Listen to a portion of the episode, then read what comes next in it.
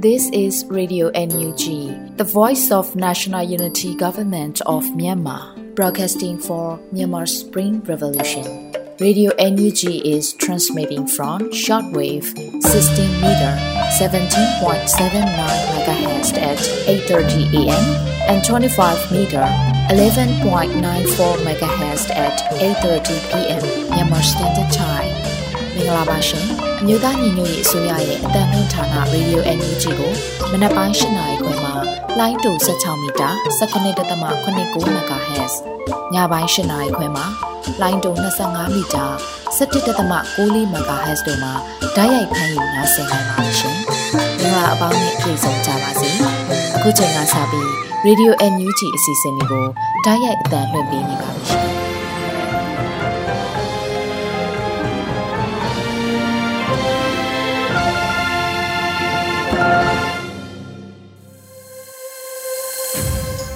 မြန်မာနိုင်ငံသူနိုင်ငံသားအပေါင်းတဘာဝဘေးစစ်အာဏာရှင်မေတို့ကနေကင်းဝေးပြီးကိုစီနှပါအေဂျင့်လုံခြုံကြပါစေလို့ Radio NUG ဖွဲ့သူဖွဲ့သားများကနှုတ်ခွန်းဆက်တာအပ်ပါတယ်ရှင်။ခုချိန်ကစပြီးပြည်တွင်းသတင်းများကိုຫນွေဦးမောင်ကဖတ်ကြားတင်ဆက်ပေးမှာဖြစ်ပါတယ်ရှင်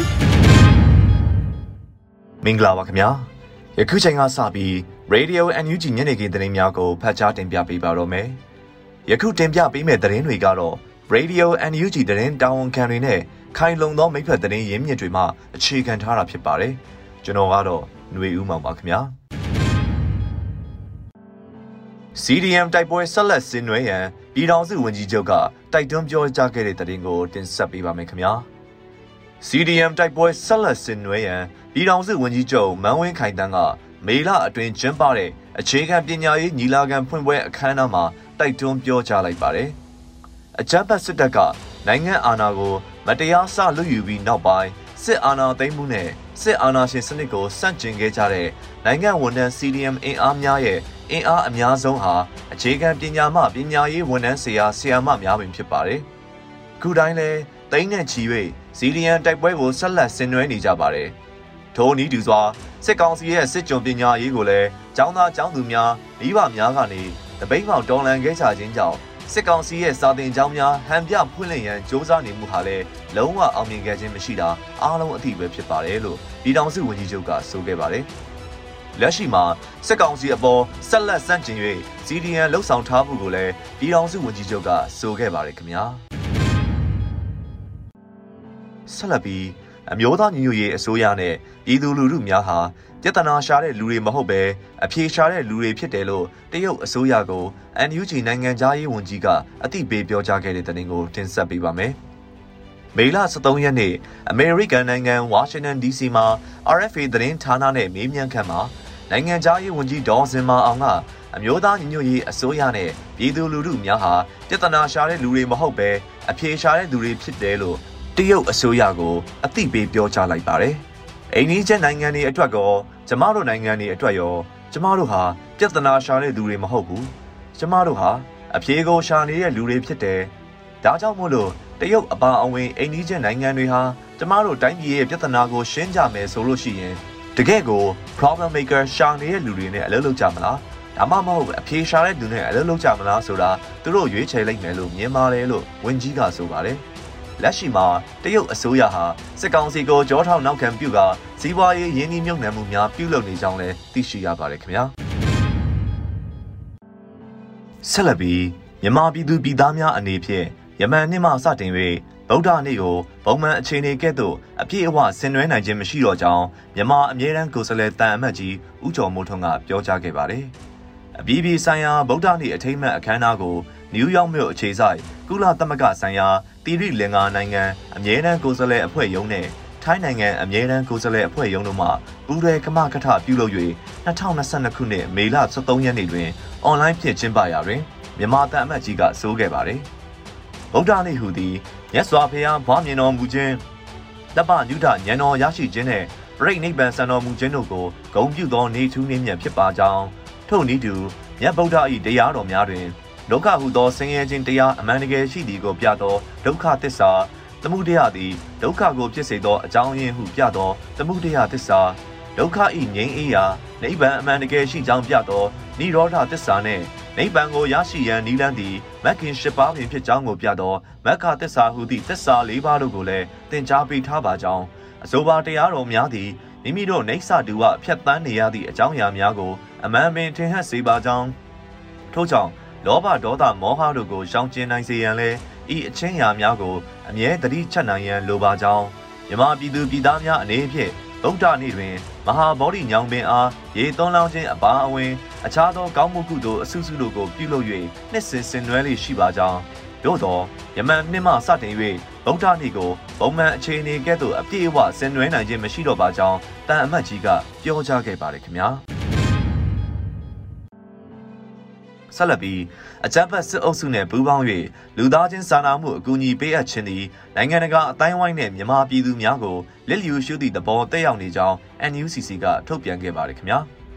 အကြမ်းဖက်စစ်အုပ်စုနဲ့ပူးပေါင်း၍လူသားချင်းစာနာမှုအကူအညီပေးအပ်ခြင်းသည်နိုင်ငံတကာအတိုင်းဝိုင်းနဲ့မြန်မာပြည်သူများကိုလက်ယူရှုအလေးမထားသည့်အပြင်စစ်အုပ်စု၏အကြမ်းဖက်လုပ်ရပ်များကိုထောက်ခံအားပေးသည့်သဘောတက်ရောက်နေကြောင်း NUCC ကထုတ်ပြန်လိုက်ပါတယ်။မေလ14ရက်နေ့မှာ နိုင်ငံတကာအဖွဲ့အစည်းများအပါအဝင်အာဆီယံနဲ့ DAHA Center တို့၏လူသားချင်းစာနာမှုအကူအညီလုပ်ငန်းကိုအကြမ်းဖက်စစ်အုပ်စုနဲ့ပူးပေါင်းဆောင်ရွက်ခြင်းကိုတဘောသူလက်ခံခြင်းမရှိကြောင်းအမျိုးသားညီညွတ်ရေးအတိုင်းအမြံကောင်စီ NUCC ကဆိုပါတယ်။ဒါအပြင်အာဆီယံဟာဆွေးနွေးသည့်အဖွဲ့အစည်းများကိုတန်းတူနေရာထား၍ဆက်သွယ်ဆောင်ရွက်ခြင်းမပြုဘဲခြံလက်ထားခြင်းအပြင်ထောက်ပံ့ကူညီမှုများမှာအမှန်တကယ်လိုအပ်နေသူများထံရောက်ရှိနိုင်မည်မဟုတ်ကြောင်းလည်း NUCC ကဖော်ပြထားပါတယ်ခင်ဗျာ ဆက်လက်ပြီးမြန်မာနိုင်ငံမှာငြိမ်းချမ်းရေးကိုတခြားလုံး NLD ပေးချင်းချောက်နေတာအာဏာသိမ်းလိရှိတဲ့စစ်တပ်ပဲလို့ချက်နိုင်ငံကိုယ်စားလှယ်ကမှတ်ချက်ပြုခဲ့တဲ့တဲ့တင်ကိုတင်ဆက်ပေးပါမယ်။မြန်မာနိုင်ငံမှာငြိမ်းချမ်းရေးကိုတခြားလုံး NLD ပေးချင်းချောက်နေတာအာဏာသိမ်းလိရှိတဲ့စစ်တပ်ပဲလို့ချက်နိုင်ငံကိုယ်စားလှယ်ဦးလင်းတန်းကမေလ23ရက်နေ့မှာလူမှုကွန်ရက်မှာမှတ်ချက်ပြုပြောကြားလိုက်ပါတယ်။ ငြိမ်းချမ်းရေးရရှိသွားရင်တိုင်းပြည်မှာစစ်တပ်ရဲ့အခမ်းကဏ္ဍပျောက်ကွယ်မှာဆိုပြီးပြည်ရင်းစစ်ကိုဖန်တီးထားတဲ့တရားခံစစ်စစ်ကစစ်တပ်ပဲစစ်တပ်ကိုယ်တိုင်ကနိုင်ငံသူနိုင်ငံသားတွေရဲ့အသက်အိုးအိမ်စီးစိမ်ကိုအကာအကွယ်ပေးရတဲ့တာဝန်ပြက်ကွက်ပြီးပြည်သူကိုရန်သူလိုတပ်ဖြတ်ညှဉ်းဆဲဖမ်းဆီးနှိပ်စက်အိုးအိမ်တွေပစ္စည်းတွေလူရက်ဖြက်စီးမီးရှို့လုပ်နေတာနှစ်ပေါင်းမနေတော့ဘူးလို့ဆိုထားပါတယ်အခုထိအမြင်မရှင်းနိုင်ဖြစ်နေတော့လားငိမ့်ချမ်းရေးမူဆိုတာအခိုင်အမာမရှိသူ မငိမ့်ချမ်းလို့သူစစ်တပ်နဲ့ငိမ့်ချမ်းရေးဆွေးနွေးကြမယ်ဆိုတဲ့လူတွေကရောဘာအမကန်ကြီးရဲ့ငိမ့်ချမ်းရေးရမှာလဲလို့မိမိပုဂ္ဂလိကသဘောအရမေးခွန်းထုတ်လိုက်ခြင်းနဲ့လို့ဦးလင်းတန်းကထပ်မံဆိုထားပါတယ်ခင်ဗျာဆက်လက်ပြီးဩစတြေးလျနိုင်ငံဆိုင်ရာမြန်မာစစ်ကောင်စီတန်အမတ်ဦးတာအောင်ညွန့်ဩစတြေးလျအာဆီယံထိပ်သီးစီးပွားရေးဖိုရမ်မှာဖယ်ရှားခြင်းခံရတဲ့တဲ့တင်ကိုတင်ဆက်ပေးပါမယ်။ ဩစတြေးလျအာဆီယံထိပ်သီးစီးပွားရေးဖိုရမ်ကိုဗစ်တိုးရီးယားပြည်နယ်အစိုးရမှဦးစီးကျင်းပခဲ့တာဖြစ်ပြီးအဲ့ဒီဖိုရမ်မှာဩစတြေးလျနိုင်ငံဆိုင်ရာမြန်မာစစ်ကောင်စီတန်အမတ်ဦးသာအောင်ညွကဖယ်ရှားခြင်းခံလိုက်ရတယ်လို့မေလ14ရက်နေ့မှာ Justice for Myanmar ကသတင်းထုတ်ပြန်ခဲ့ပါတယ်။အဆိုပါကိစ္စနဲ့ပတ်သက်ပြီးဗစ်တိုးရီးယားပြည်နယ် Green Party ခေါင်းဆောင်စမန်ဒါရနမ်ကအာဆီယံစီးပွားရေးဖိုရမ်မှာမိန့်ခွန်းပြောဖို့မြန်မာပြည်သူတွေရဲ့တရားဝင်ကိုယ်စားလှယ် NUG ကိုမဖိတ်ပဲ အကျင့်ပြတ်ခြားစားမှုတွေနဲ့လူအခွင့်အရေးချိုးဖောက်မှုတွေကျူးလွန်နေတဲ့ဆက်စုပ်ပွဲစစ်ကောင်စီရဲ့ကိုယ်စားလှယ်ကိုဘာကြောင့်ဖိတ်ကြားခဲ့လဲဆိုတဲ့အပေါ်မနေ့ကပြုလုပ်တဲ့ပါလီမန်အစည်းအဝေးမှာမေးခွန်းထုတ်ခဲ့တာဖြစ်ပါတယ်။ Victoria ပြည်နယ် Green Party ခေါင်းဆောင် Samantha Rednam ကိုမြန်မာပြည်သူလူထုနဲ့အတူတကွရည်တည်ပေးခဲ့တဲ့အတွက်ကျေးဇူးတင်ပါတယ်လို့ Justice for Myanmar ကဖော်ပြခဲ့ပါတယ်ခင်ဗျာ။အခုဆက်လက်ပြီးသတင်းနဲ့အတူလူထုစကားသံအစီအစဉ်ကဏ္ဍကိုတင်ဆက်ပေးတော့ပါမယ်။ အမေရိကန်နိုင်ငံမှာအာဆီယံနိုင်ငံရေးဝန်ကြီးတွေနဲ့ NUG ဝန်ကြီးတွေ့ဆုံခွင့်ရခဲ့တာဟာမြန်မာစစ်ပေးဆောင်ပြည်သူတွေအတွက်အခွင့်အလမ်းကောင်းဖြစ်တယ်လို့နိုင်ငံရေးလေ့လာသူတွေကသုံးသပ်ပါတယ်။အမျိုးသားညီညွတ်ရေးအစိုးရနိုင်ငံသားရေးဝန်ကြီးဒေါ်စင်မအောင်ဟာမေလ12ရက်နေ့ကအမေရိကန်နိုင်ငံဝါရှင်တန် DC မှာပြုလုပ်ခဲ့တဲ့အမေရိကန်အာဆီယံထိပ်သီးအစည်းအဝေးမှာအလွတ်တဘောပါဝင်ခွင့်ရခဲ့တာပါ။ ဒီအစည်းအဝေးမှာမြန်မာစစ်ပေးဆောင်တွေစီကိုလူသားချင်းစာနာထောက်ထားမှုအကူအညီတွေအတားအဆီးမရှိရောက်ရှိနိုင်ရေးဆွေးနွေးခဲ့တယ်လို့ American တန်ယုံကထုတ်ပြန်ထားပါတယ်။ဒီအခြေအနေနဲ့ပတ်သက်လို့နိုင်ငံရေးလေလာသူဦးရဲထွန်းတီဘောကအခုလိုသုံးသပ်ပါတယ်။အေဂျန်နေနဲ့ကတော့ဒါကသူတို့ရဲ့ထုံးပြချက်တော့မဟုတ်ဘူးပေါ့။အရှင်အမေရိကန်ရဲ့ထုံးပြချက်ဖြစ်တော့ သူတို့ရဲ့သဘောထားကတော့ရှင်းရှင်းလင်းလင်းမသိရသေးဘူးပေါ့နော်။သူတို့တွင်းမှာကလည်းဖွဲ့ဝင်နိုင်ငံတနိုင်ငံနဲ့တနိုင်ငံကဘာအရေးနဲ့ပတ်သက်လို့ကသဘောထားကတော့တနည်းတစ်ထဲတော့မရှိ NUG နဲ့ကျွန်တော်တို့အလို့သဘောတွေ့ဆုံမှုတွေလုပ်ချင်းအားဖြင့်သူတို့ထုံးပြထားတဲ့5 point consensus ပေါ့နော်အဲ့ဒါနတ်ဆက်ကအကောင့်တွေပေါ်လာဖို့အတွက်ရွယ်တယ်လို့သိရတယ်အဲ့ဒီရွယ်ချက်အတွက်သူကဖိအားပေးတဲ့သဘောပေါ့နော် အဲ့ဒီလိုဖိအားပေးတာမှထူးခြားမလာဘူးဆိုရင်တော့သူကတစ်ဆင့်တစ်ဆင့်တစ်ဆင့်တိုးလာမဲ့သဘောရှိတာပေါ့နော်အဲ့တော့မြန်မာပြည်သူတွေအတွက်ကတော့လူသားချင်းစာနာမှုဆိုင်ရာအကူအညီထောက်ပံ့နေဘယ်လိုထိထိရောက်ရောက်ရောက်ရှိအောင်ငါနိုင်မလဲဆိုတဲ့ကိစ္စတွေမှာလက်တွေ့တက်ရောက်မှုတွေရှိလာနိုင်တယ်အဲအဲ့လိုမျိုးဖြစ်လာလို့ရှိရင်တော့ပြည်တွင်းမှာလက်နက်ကိုင်ဒီဘက်ကတည်းညော့နေသွားလို့ရှိရင်လူလူလူတွေလည်းအေးအေးချမ်းချမ်းနေနိုင်တာပေါ့ဗျာ American ASEAN ထိပ်သီးအစည်းအဝေးမှာစစ်ကောင်စီကဖဲထုတ်ခံခဲ့ရပြီး NUG အစိုးရကညနေသားရခဲ့တာပါဒီအစည်းအဝေးမတိုင်ခင်နောက်ဆုံးအခြေအနေအရအာဆီယံခေါင်းဆောင်တွေဟာစစ်ကောင်စီကဖွဲ့စည်းထားတဲ့အဖွဲ့တွေကနေတဆင့်မြန်မာပြည်သူတွေကိုအကူအညီတွေပေးဖို့ပြင်ဆင်နေခဲ့တာဖြစ်ပါတယ်လို့နိုင်ငံရေးလေးလာသုံးသပ်သူဦးတန်းစိုးနိုင်ကပြောဆိုထားပါတယ်ခုလောလောဆယ်မှာသူတို့နဲ့ပူးပေါင်းဆောင်ရွက်မှုမပြုဘူးဆိုလို့ရှိရင်ကျွန်တော်တို့စစ်ပေးရှောင်ဒုက္ခတွေ ပုံမဆိုးရတဲ့ဒုက္ခတွေနဲ့ရင်ဆိုင်ရမယ့်အခြေအနေရှိတယ်ဆိုတာသိမြင်နေတယ်။ဒါပေမဲ့လက်တွေ့ကြကြပြောရင်အဲ့ဒီကိစ္စတွေနဲ့ပတ်သက်လို့ NUG အနေနဲ့လည်းတပီလုံးကိုဒီစစ်ပေးဒုက္ခတွေပြဿနာတွေကိုတာဝန်ယူဖြေရှင်းနိုင်တဲ့အနေအထားကလည်းမရှိသေးဘူး။အဲ့ဒီအခြေအနေမှာအလွဲမရှောင်တာဆိုတာဥကိုကိုလိုင်းဥဆောင်တဲ့စစ်ကောင်စီရဲ့အဖွဲ့ကနေတစ်ဆင့်အကူအညီပေးမှုတွေရုပ်ဆောင်မှုကသူတို့မှာတခြားရွေးချယ်ရမရှိဘူးလို့ကျွန်တော်ထင်ပါတယ် အာဆီယံဟာစစ်ကောင်စီကဖွဲ့စည်းထားတဲ့အဖွဲ့ကနေတဆင့်အကူအညီတွေပေးရမှာဖြစ်တဲ့အတွက်ဤသူတွေစီကိုအကူအညီတွေရောက်လာမှာမဟုတ်ဘူးလို့ဒေသတွင်ပရဟိတသမားတွေကဝေဖန်ခဲ့ကြပါတယ်ခင်ဗျာဆက်လက်ပြီးစကိုင်းတိုင်းရေဦးမြို့နယ်မုံတိုင်ပင်ရွာမှာနေအိမ်29လုံးကိုစစ်ကောင်စီကအကြမ်းဖက်မီးရှို့ခဲ့ပြီးရွာသား31ယောက်ရဲ့ရုပ်အလောင်းတွေကိုတွေ့ရှိထားတယ်လို့ဒေသခံတွေကပြောပါတယ်။ မေလ23ရက်နေ့ရွာသားတချို့ရွာထဲပြန်ဝင်ချိန်မှာမီးရှို့ပုံဖြတ်ထားတဲ့ရုပ်အလောင်း32လောင်းကိုတွေ့ရှိထားတယ်လို့ဆိုပါတယ်။မီးလောင်ပြင်တွေထဲမှာရုပ်အလောင်းတွေကိုဒေသခံတွေကဆက်လက်ရှာဖွေနေဆဲဖြစ်ပြီးကွယ်လွန်သူတွေဟာဘသူတွေလဲဆိုတာအတိမပြုတ်နိုင်သေးဘူးလို့ရေဦးဒေသခံတို့ကအခုလိုဆိုထားပါတယ်။အားလုံးမုံနိုင်မင်းရွာရွာရွာတွေက အခုလက်ရှိအခုရှာလို့ရတဲ့အခြေအနေအားဖြင့်ကတော့ပထမနေ့က12ရက်နေ့ကကျွန်တော်တို့ရှာတွေ့တာ18ဦးဗျ18ဦးရယ်လက်နက်ကြီးထိတာ2ဦးရယ်19ဦးကကျွန်တော်တို့12ရက်နေ့ကအဲဒီနေမီနေမီဒေသခံတွေကရှာပေးတာ19ဦးပေါ့နော်ကျွန်တော်13ရက်နေ့မှာဆက်ရှာလိုက်တော့အားလုံးနောက်ထပ်12ဦးဆက်တွေ့ပါတယ်ဗျ32ဦးဆက်တွေ့ပါတယ်ဗျအဲ့ဒါကကျွန်တော်တို့မုံနိုင်မင်းရွာထိအခြေအနေပေါ့နော်သူတို့ကတော့လက်ရှိရွာထဲမှာတွေ့တဲ့အပြစ်မဲ့ပြည်သူတွေအကုန်လုံးကိုဖမ်းတယ်ဖမ်းပြီးတော့သူတို့မထင်တဲ့သူအကုန်တတ်ထားခဲ့တာပေါ့တတ်ခဲ့တဲ့အပြင်မှာရွာတွေထဲမှာပိတ်မိနေတဲ့မိသားစုတွေကိုပါခါလဲအဲ့မှာမီးရှို့ပြီးတော့တခါလဲပြစ်တက်ထားခဲ့တဲ့သဘောပါဗျမေလ၄ရက်နေ့ကနေ23ရက်နေ့အထိ10ရက်အတွင်းစစ်ကောင်စီကရေဦးမြို့နယ်တဲကကျေးရွာ6ခုမှာအကြမ်းဖက်မီးရှို့တပ်ဖြတ်တာတွေဇက်တိုက်ပြုလုပ်ခဲ့တာပါ။ဒါဟာလူမျိုးတုံးတပ်ဖြတ်နေတာလို့ရေဦးမြို့နယ်ပြည်သူ့အုပ်ချုပ်ရေးအဖွဲ့တာဝန်ရှိသူကပြောပါတယ်။ ဒီလိုအခုလိုက်ပြန်လိုက်တက်ခံရတဲ့ကိစ္စကတော့ရှင်းပါတယ်စစ်အာဏာရှင်ဗိုလ်ချုပ်နေရင်အဲကစလာပြီးတော့သူတို့ရဲ့အာဏာအဆက်ကြီးရအောင်ကြိုးစားတဲ့နေရာမှာတကယ်ဖြစ်ကြသူတို့လိုအပ်တဲ့လောက်ဒီလိုတက်ဖြတ်တာဒီလိုဆိုင်ဖြစ်တယ်ဆိုတာကဘယ်မှငင်းလို့မရဘူးဖြစ်ပါတယ်ဒီတန်တွေကိုကျွန်တော်တို့ကဘာဒီကြတွေထိနံပေးနေရချင်းချင်းထိတောက်သွားနိုင်လို့လဲဒီကြဘက်ကပူပေါင်းဆောင်ရွက်ပြီးလို့လဲကျွန်တော်တိုက်တွန်းလိုပါတယ်စစ်သားတွေရဲ့အကြမ်းဖက်မှုကြောင့်10ရက်အတွင်းမှာရေဦးမြို့နယ်တဲကရွာ6ရွာရှိနေအိမ်80ကိုမီးရှို့ဖျက်ဆီးခံခဲ့ရပါတယ်။ ဒေသခံရွာသားတွေပိုင်ဆိုင်တဲ့အိမ်မွေးတိရစ္ဆာန်တွေမျိုးစပါးတွေစိုက်ကယ်တွေနဲ့စိုက်ပျိုးရေးလုပ်ငန်းသုံးစက်ပစ္စည်းတွေလည်းအများအပြားပျက်စီးဆုံးရှုံးခဲ့ပါတယ်ခင်ဗျာ။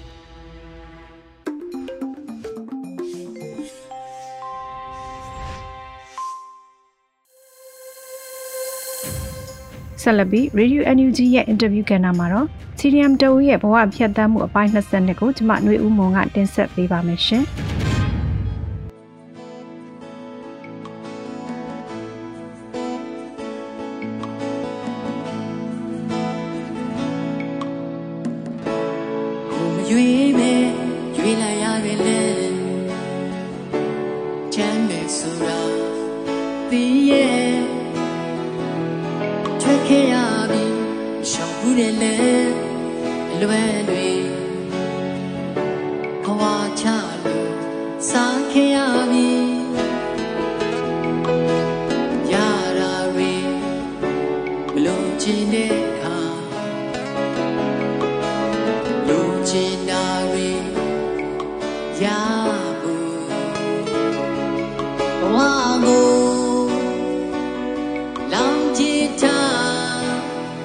မင်္ဂလာပါရှင်ကျွန်မဆုံးအနေနဲ့ဆရာမဘယ်ဌာနမှာတာဝန်ထမ်းဆောင်ခဲ့တယ်ဆိုတာနဲ့ဘယ်လိုမျိုးစီရီယံလုပ်ဖြစ်ခဲ့တာလဲဆိုတာလေးသိပြစေရှင်ဟိုကျမကတော့ဒီမူဝါတက္ကသိုလ်ဥပဒေပညာဌာနကကတိကဆရာမတူဖြစ်ပါတယ်။လောက်သက်ကတော့ရှစ်နှစ်ကျော်ထိရှိပါတယ်။အတိကကတော့စိတ်အုပ်ချုပ်ရေးစနစ်အောက်မှာကိုပညာကိုအတွေ့ခေါ်တွေဖိနှိပ်ခံရမှာအဲပြီးတော့မတရားတဲ့အမိန့်တွေအမိန့်တွေအောက်မှာမနေချင်လို့ပါ။ဟုတ်ကဲ့ပါဆရာမခုလိုမျိုးစီရီယံလုပ်ခဲ့ပြီးတဲ့နောက်မှာပေါ့နော်။ဌာနနေပြီးတော့အလုပ်ပြောင်းမှုဖိအားပေးတာမျိုးတွေရှိလား။ ပြီးတော့ဆရာမရဲ့မိသားစုလုံခြုံရေးအနေအထားအခြေအနေလေးတွေလည်းသိပြရသေးရှင် အာနာသိမ့်တဲ့ချိန်မှာပေါ့နော်ကျွန်မတာဝန်တစ်ခုနဲ့နေပြီးတော့မှရောက်နေပါတယ်အဲနေပြီးတော့မှကျမတို့ဒီတပတ်လောက်ပိတ်မိနေတာပေါ့လေအဲပြီးတော့မှမိခင်ဌာနရဲ့ထောက်ခံစာတွေနဲ့မန္တလေးကိုကျမတို့ဒီဟိုပြန်ရောက်လာတယ်အဲမန္တလေးရောက်တာတော့ဆန္ဒပြပွဲတွေမှာဒီကျမတို့ရဲ့ဒီတက်ကတူကနေလှုပ်တယ်ပေါ့နော်ဒီဆန္ဒပြပွဲတွေမှာဆက်တိုက်ပါဝင်ခဲ့တယ်အဲအဲ့ဒီအတော်တွင်းမှာပဲဒီမုံရွာတက်ကတူမိခင်ဌာနကနေဖုန်းတွေဆက်တယ်အဓိကတော့ဒီចောင်းပြန် လာဖို့ပေါ့နော်ပြီးတော့မှအလုတ်ဆက်လုပ်ဖို့ဟိုဆန္ဒပြပွဲတွေမှာမပါဖို့ပေါ့နော်ဒီဖိအားပေးပြီးတော့မှဖုန်းတွေခဏခဏဆက်ပါတယ်ဒါပေမဲ့ကျွန်မကတော့အကြောင်းကိုပြန်တော့ဖို့လုံးဝမစင်စားပါဘူးရွာကိုပဲဟိုမိခင် ဟိုမိဘတွေရှိတဲ့ရွာကိုပဲတန်းပြန်လိုက်တယ်အဲဒါပေမဲ့ရွာရောက်လာတော့လေတိုက်ပွဲတွေကဆဖြစ်နေပြီအဲပြီးတော့မှရွာရဲ့ဘေးမှာလည်းတက်စကန်ရှိနေတော့ဟိုတစ်ချိန်လုံးဟိုရွာထဲကိုပေါ့နော်ဒီဝင်စစ်တာတွေပါလုံနေတဲ့ခါကျတော့မလုံခြုံနေဘူးဟိုကျမတို့ဆိုနေ့တိုင်းနေပါရှောင်နေရတယ်ပေါ့နော်ဒီတော့နောက်တော့ဒီလွတ်မြောက်နေပြီတခုကိုထွက်ပြေးလာလိုက်တာရှင်ဟုတ်ကဲ့ဟုတ်ကဲ့ပါရှင်ကျမအနေနဲ့အခုလိုကိုယ့်ရဲ့တမွေးချောင်းလုပ်ကိုဆွန့်လွတ်လိုက်ရတော့ပြင်လောကမှာ ခက်ခဲလွန်းလို့လှုပ်ပြန်သွားခြင်းနဲ့စိတ်မျိုးရောဖြစ်ဘူးလားအခုဒီနွေဦးတော်လိုင်းရဲ့ပုံမှာရောဆီယမရဲ့ခံယူချက်ဆုံးဖြတ်ချက်ကဘယ်လိုရှိလဲဆိုတာလေးလည်းသိပြသေးရှင်ဟုတ်ကဲ့အရန်ကိုခက်ခဲတဲ့အခြေအနေခဏခဏကြုံရတယ်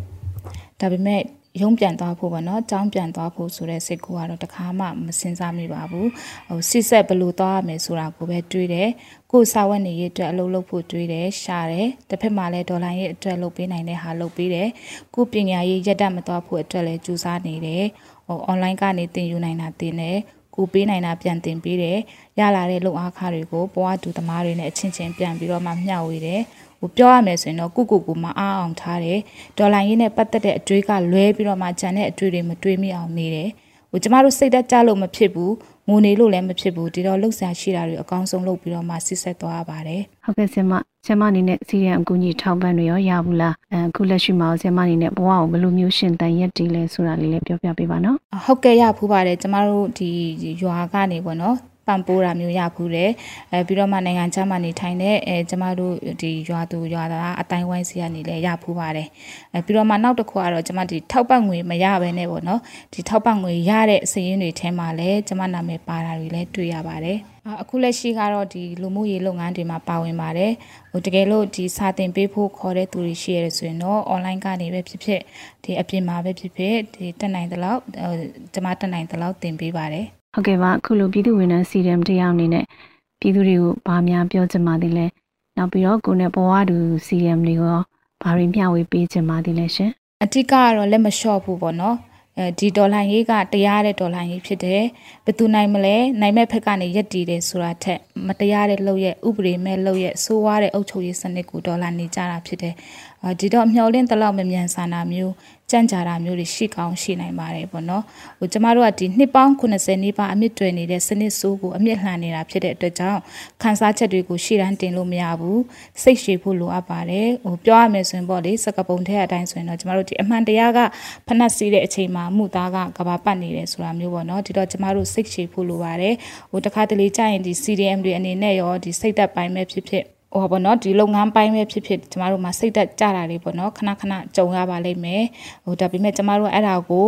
ဟိုပေါ့နော်ဒီခန်းစားချက်တွေကိုကျမတို့ကမိထားပြီးတော့မှဒီဒေါ်လှန်ရေးကိုပဲအာယုံစိုက်ဖို့စိတ်ရှည်ဖို့ဆိုတဲ့ဟာလေးကိုအဓိကပြောချင်ပါတယ်ကျေးဇူးတင်ပါတယ်ဟုတ်ကဲ့ခုလိုချိန်ပြီးပြီးဖြေချပေးတဲ့ဆရာမကိုကျမတို့ Radio Energy ကအထူးပဲကျေးဇူးတင်ရှိပါတယ်ရှင်အနုထဲကိုင်းတဲ့လက်တွေ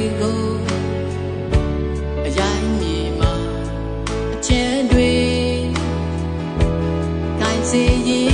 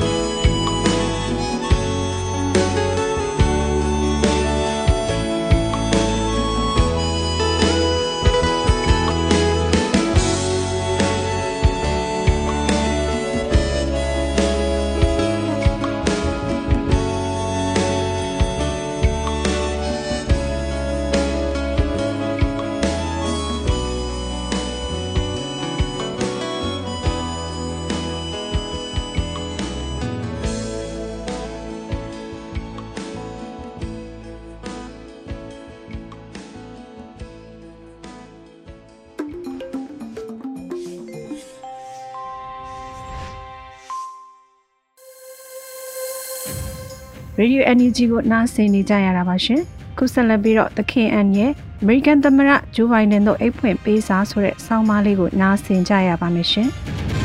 အမေရိကန်သမ္မတဂျိုးဘိုင်ဒန်တို့အိတ်ဖွင့်ပေးစာဒီစာရေးလို့မိမိကိုပစိန်ရိုးပဲပြောပြောဓမ္မရိုးပဲပြောပြောလွယ်ဥအောင်ပွဲရဖို့အတွက်ကိုအားကိုကိုမှရမယ်ဆိုတာသိပေမဲ့ ဒီစာသည်ကောက်ရိုးတမင်ဖြစ်ရင်ရှင်းနေပြီမင်္ဂလာပါတပ္ပရာကြီးခင်ဗျာကျွန်ုပ်ကတော့အသင်တို့နဲ့အတူကဘာကြီးထဲမှာလူသားတူအဖြစ်အသက်ရှင်နေထိုင်ခွင့်ရရှိတော်လေလူသားတူကဲ့သို့လွတ်လပ်စွာအသက်ရှင်ခွင့်မရတော့လူသားတူရတဲ့ရတိုက်တော့မွေးရပါလူအခွင့်အရေးများကို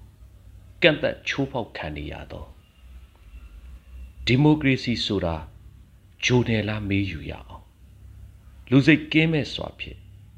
လက်နဲ့အာကိုပြီးပြည်သူကို အနိုင်ကျင့်တပ်ဖြတ်ရက်ဆက်နေသောစစ်အာဏာရှင်ကြီးစိုးချယ်လှယ်နေသောမြန်မာနိုင်ငံကပါခင်ဗျာတမရာကြီးခင်ဗျာကျွန်ုပ်အနေနဲ့တင့်ထံစာရေးသားပေးပို့ရခြင်းသည်တင်နှင့်အတူရက်တည်နေသော ကဘာမြေကြီးပေါ်ကလူသားတူအနေနဲ့ကဘာကြီးရဲ့တဝူအောက်မှာအတူတကွနေထိုင်ကြတဲ့ကဘာမိသားစုဝင်ချင်းအနေနဲ့ပါရင်းနှီးကျွမ်းဝင်စွာဖြင့်ကဘာကြီးတွေကတင့်ရဲ့လူသားမိတ်ဆွေများရဲ့အခြေအနေနဲ့ကဘာမြေကြီးနဲ့မထိုက်တန်သူတို့အကြောင်းစကားစမြည်ပြောခြင်းလို့ရေးသားလိုက်ရတာပါတမရာကြီးခင်ဗျာ တင်ကလူကြီးတန်း300ကျော်သာရှိတဲ့နိုင်ငံခေါင်းဆောင်ဆိုပေမဲ့တကယ်တော့တင်ဟာလူသားတန်းပေါင်း9000ကျော်လောက်ကိုမငြီးမညူထမ်းပေးထားတဲ့ကဘာကြီးကိုဥဆောင်နေသူလို့တောင်လူအများကနားလည်ထားကြပြီးသားပါဆိုလိုတာကကဘာကြီးရဲ့တာဝန်ကိုတင့်ကိုပုံချနေတာမဟုတ်ပင်ပဲအမေရိကန်ဆိုတာကမ္ဘာမိသားစုကြီးရဲ့အိမ်တော်ဦးစီးအဆင့်တွေမဟုတ်လားဒီတော့ ကဘာဆိုတဲ့အိမ်ကြီးတွေကကမ္ဘာမိသားစုဝင်တွေရဲ့ပြဿနာကိုတင်တို့လိုကမ္ဘာအိမ်တော်ဦးစီးတွေကမဖြေရှင်းရင်ဘယ်သူဖြေရှင်းကြမှာလဲတမရာကြီးခင်ဗျာဒီမိုကရေစီစနစ်နှစ်ပေါင်း200ကျော်လောက်ရင့်ကျက်လာတဲ့အမေရိကန်ရဲ့တမိုင်းအဆက်ဆက်ခေါင်းဆောင်အဆက်ဆက်ကိုလေ့လာကြည့်ရင်ကဘာမြေကြီးနဲ့မထိုက်တန်သူများလူသားစိတ်ကင်းမဲ့သူများ အာနာယူများကိုကမ္ဘာမြေပေါ်မှာရှင်သန်ခွင့်ပေးရိုးထုံးစံရှိခဲ့လို့လားသင်္ဃာရောအဲ့ဒီလိုလူတွေကိုရှင်သန်ခွင့်ပေးနေမှာလားကမ္ဘာလူသားကမ္ဘာပြည်သူတူဦးအနေနဲ့တင့်ကိုကမ္ဘာကြီးအတွက်ကျွန်ုပ်တာဝန်တစ်ခုပေးခြင်းတယ်တမရာကြီးခင်ဗျာကျွန်ုပ်တို့ခိုးကြောင်ခိုးဝဲအသက်ရှင်နေထိုင်ရသော နေ့စဉ်နဲ့မြကြီးလန့်ဆန်စားတဲ့ကဲ့သို့ စိတ်ပူပန်ပူပေါင်းများစွာ ပြည့်နှက်နေရတဲ့စစ်အာဏာရှင်တခိုးတစုခြေလဲအုပ်ချုပ်နေတဲ့မြမပြည်အကြောင်းသင်ကောင်းကောင်းသိပြီးဖြစ်မှာပါသင်နဲ့သင်ရဲ့အမေရိကန်ဆိုရအမေရိကန်ပြည်သူများအားလုံးမြမပြည်သူပေါ်ထားတဲ့စေတနာလူသားဆန်မှုကိုကျွန်ုပ်အတိမတ်ပြုကျေးဇူးတင်ရှိပါတယ်ဒါပေမဲ့တမရာကြီးရေ စစ်အာဏာရှင်မိစ္ဆာဘလူးတွေဆိုတာလူစကားသိနားမလဲကြတာသင်လည်းအသိပါပဲတင်တို့ကဘာကြီးကအရေးယူတာတရက်နောက်ကြရင်ကျွန်ုပ်တို့မြန်မာပြည်သူတွေကတော့ဘဝပေါင်းများစွာအသက်ပေါင်းများစွာပြီးဆက်ရင်တသက်စာနောက်ကျဆုံးရှုံးသွားရတယ်ဗျာတမရာကြီးခင်ဗျာကဘာကြီးထဲမှာတင်လဲလူသားကျွန်ုပ်လဲလူသားဖြစ်ပေမဲ့ လူသားအခွင့်အရေးတန်းတူမရှိမှုတင်လစ်လူမရှိဘူးဆိုတာကျွန်ုပ်ယုံကြည်တယ်နိုင်ငံတစ်ခုရဲ့ခေါင်းဆောင်ထက်ပိုသောတင်လိုကမ္ဘာခေါင်းဆောင်ကြီးကိုအားကိုးမိတာကျွန်ုပ်မလွန်ပါဘူးနော်စာရှည်သွားမှာဆိုလို့အဆုံးတတ်ရရင်တမရာကြီးရေမြမပြည်သူလူထုရဲ့ဆင်းရဲဒုက္ခတွေကိုကမ္ဘာမိသားစုဝင်တွေအနေနဲ့ယခုထက်ပိုစာနာနားလေကူညီပေးပါ ကဘာကြီးထဲမှာအတူနေထိုင်သူချင်းတင်တို့လူကျွန်ုပ်တို့ပြည်သူတွေလည်းလွတ်လပ်ခြင်းတယ်တရားမျှတမှုရခြင်းတယ်ပျော်ရွှင်ခြင်းတယ်လူသားစိတ်မရှိတဲ့မင်းအောင်လှိုင်တဲ့စစ်မိတ်စာတွေကိုကဘာမြေကြီးပေါ်မှာရှင်သန်ခွင့်မပေးပါနဲ့တော့မင်းအောင်လှိုင်တို့လိုစစ်မိတ်စာတွေဟာကဘာမြေကြီးနဲ့မထိုက်တန်တဲ့သူတွေပါကျွန်ုပ်တို့လည်းအစွမ်းကုန်တိုက်ထုတ်မယ် သင်လည်းကျွန်ုပ်တို့ကိုအစွမ်းကုန်ကူညီပေးပါလို့သင်ကိုတာဝန်အနှင်းမရစီသင်ရဲ့နှလုံးသားကိုကျွန်ုပ်ယုံကြည်ခံစားမိပါတယ်သင်လည်းကျွန်ုပ်တို့မြန်မာပြည်သူတွေရဲ့နှလုံးသားကိုခံစားနားလည်တတ်ပါစေလို့ဆုတောင်းလိုက်ပါတယ်တမရာကြီးကြံပါပါစေတမိုးအောက်ကကပအင်ကြီးထဲမှာတေနဲ့အတူနေထိုင်ရှင်သန်နေသောကပမိသားစုဝင်တူဖြစ်တဲ့မြန်မာပြည်က သခ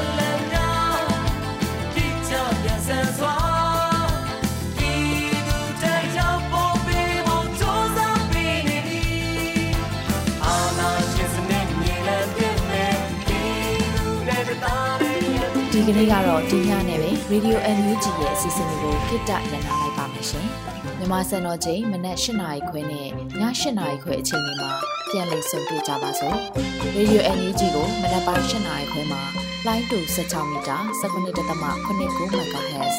ညပိုင်း၈နာရီခွဲမှာလိုင်းတူ25မီတာ17.6 MHz တို့မှာဓာတ်ရိုက်ဖမ်းလို့နိုင်စေနိုင်ပါပြီ။ မြန်မာနိုင်ငံသူနိုင်ငံသားတွေကိုစိတ်နှပြကျန်းမာချမ်းသာလို့ဘေးကင်းလုံခြုံကြပါစေလို့ Radio NUG အဖွဲ့သူဖေသားတွေကဆုတောင်းမြတ်တာပို့တာနေပါတယ်ရှင်။မြေသားမျိုးတွေအစိုးရရဲ့စက်တော်ရင်သတင်းအချက်အလက်တွေလူပညာဝန်ကြီးဌာနကထုတ်လွှင့်နေတဲ့ Radio NUG ဖြစ်ပါတယ်။ San Francisco Bay Area အခြေစိုက်မြန်မာမိသားစုတွေနဲ့နိုင်ငံတကာကစေတနာရှင်တို့အားပေးနေတဲ့ Radio NUG ဖြစ်ပါတယ်။အရေးတော်ပုံအောင်ရမည်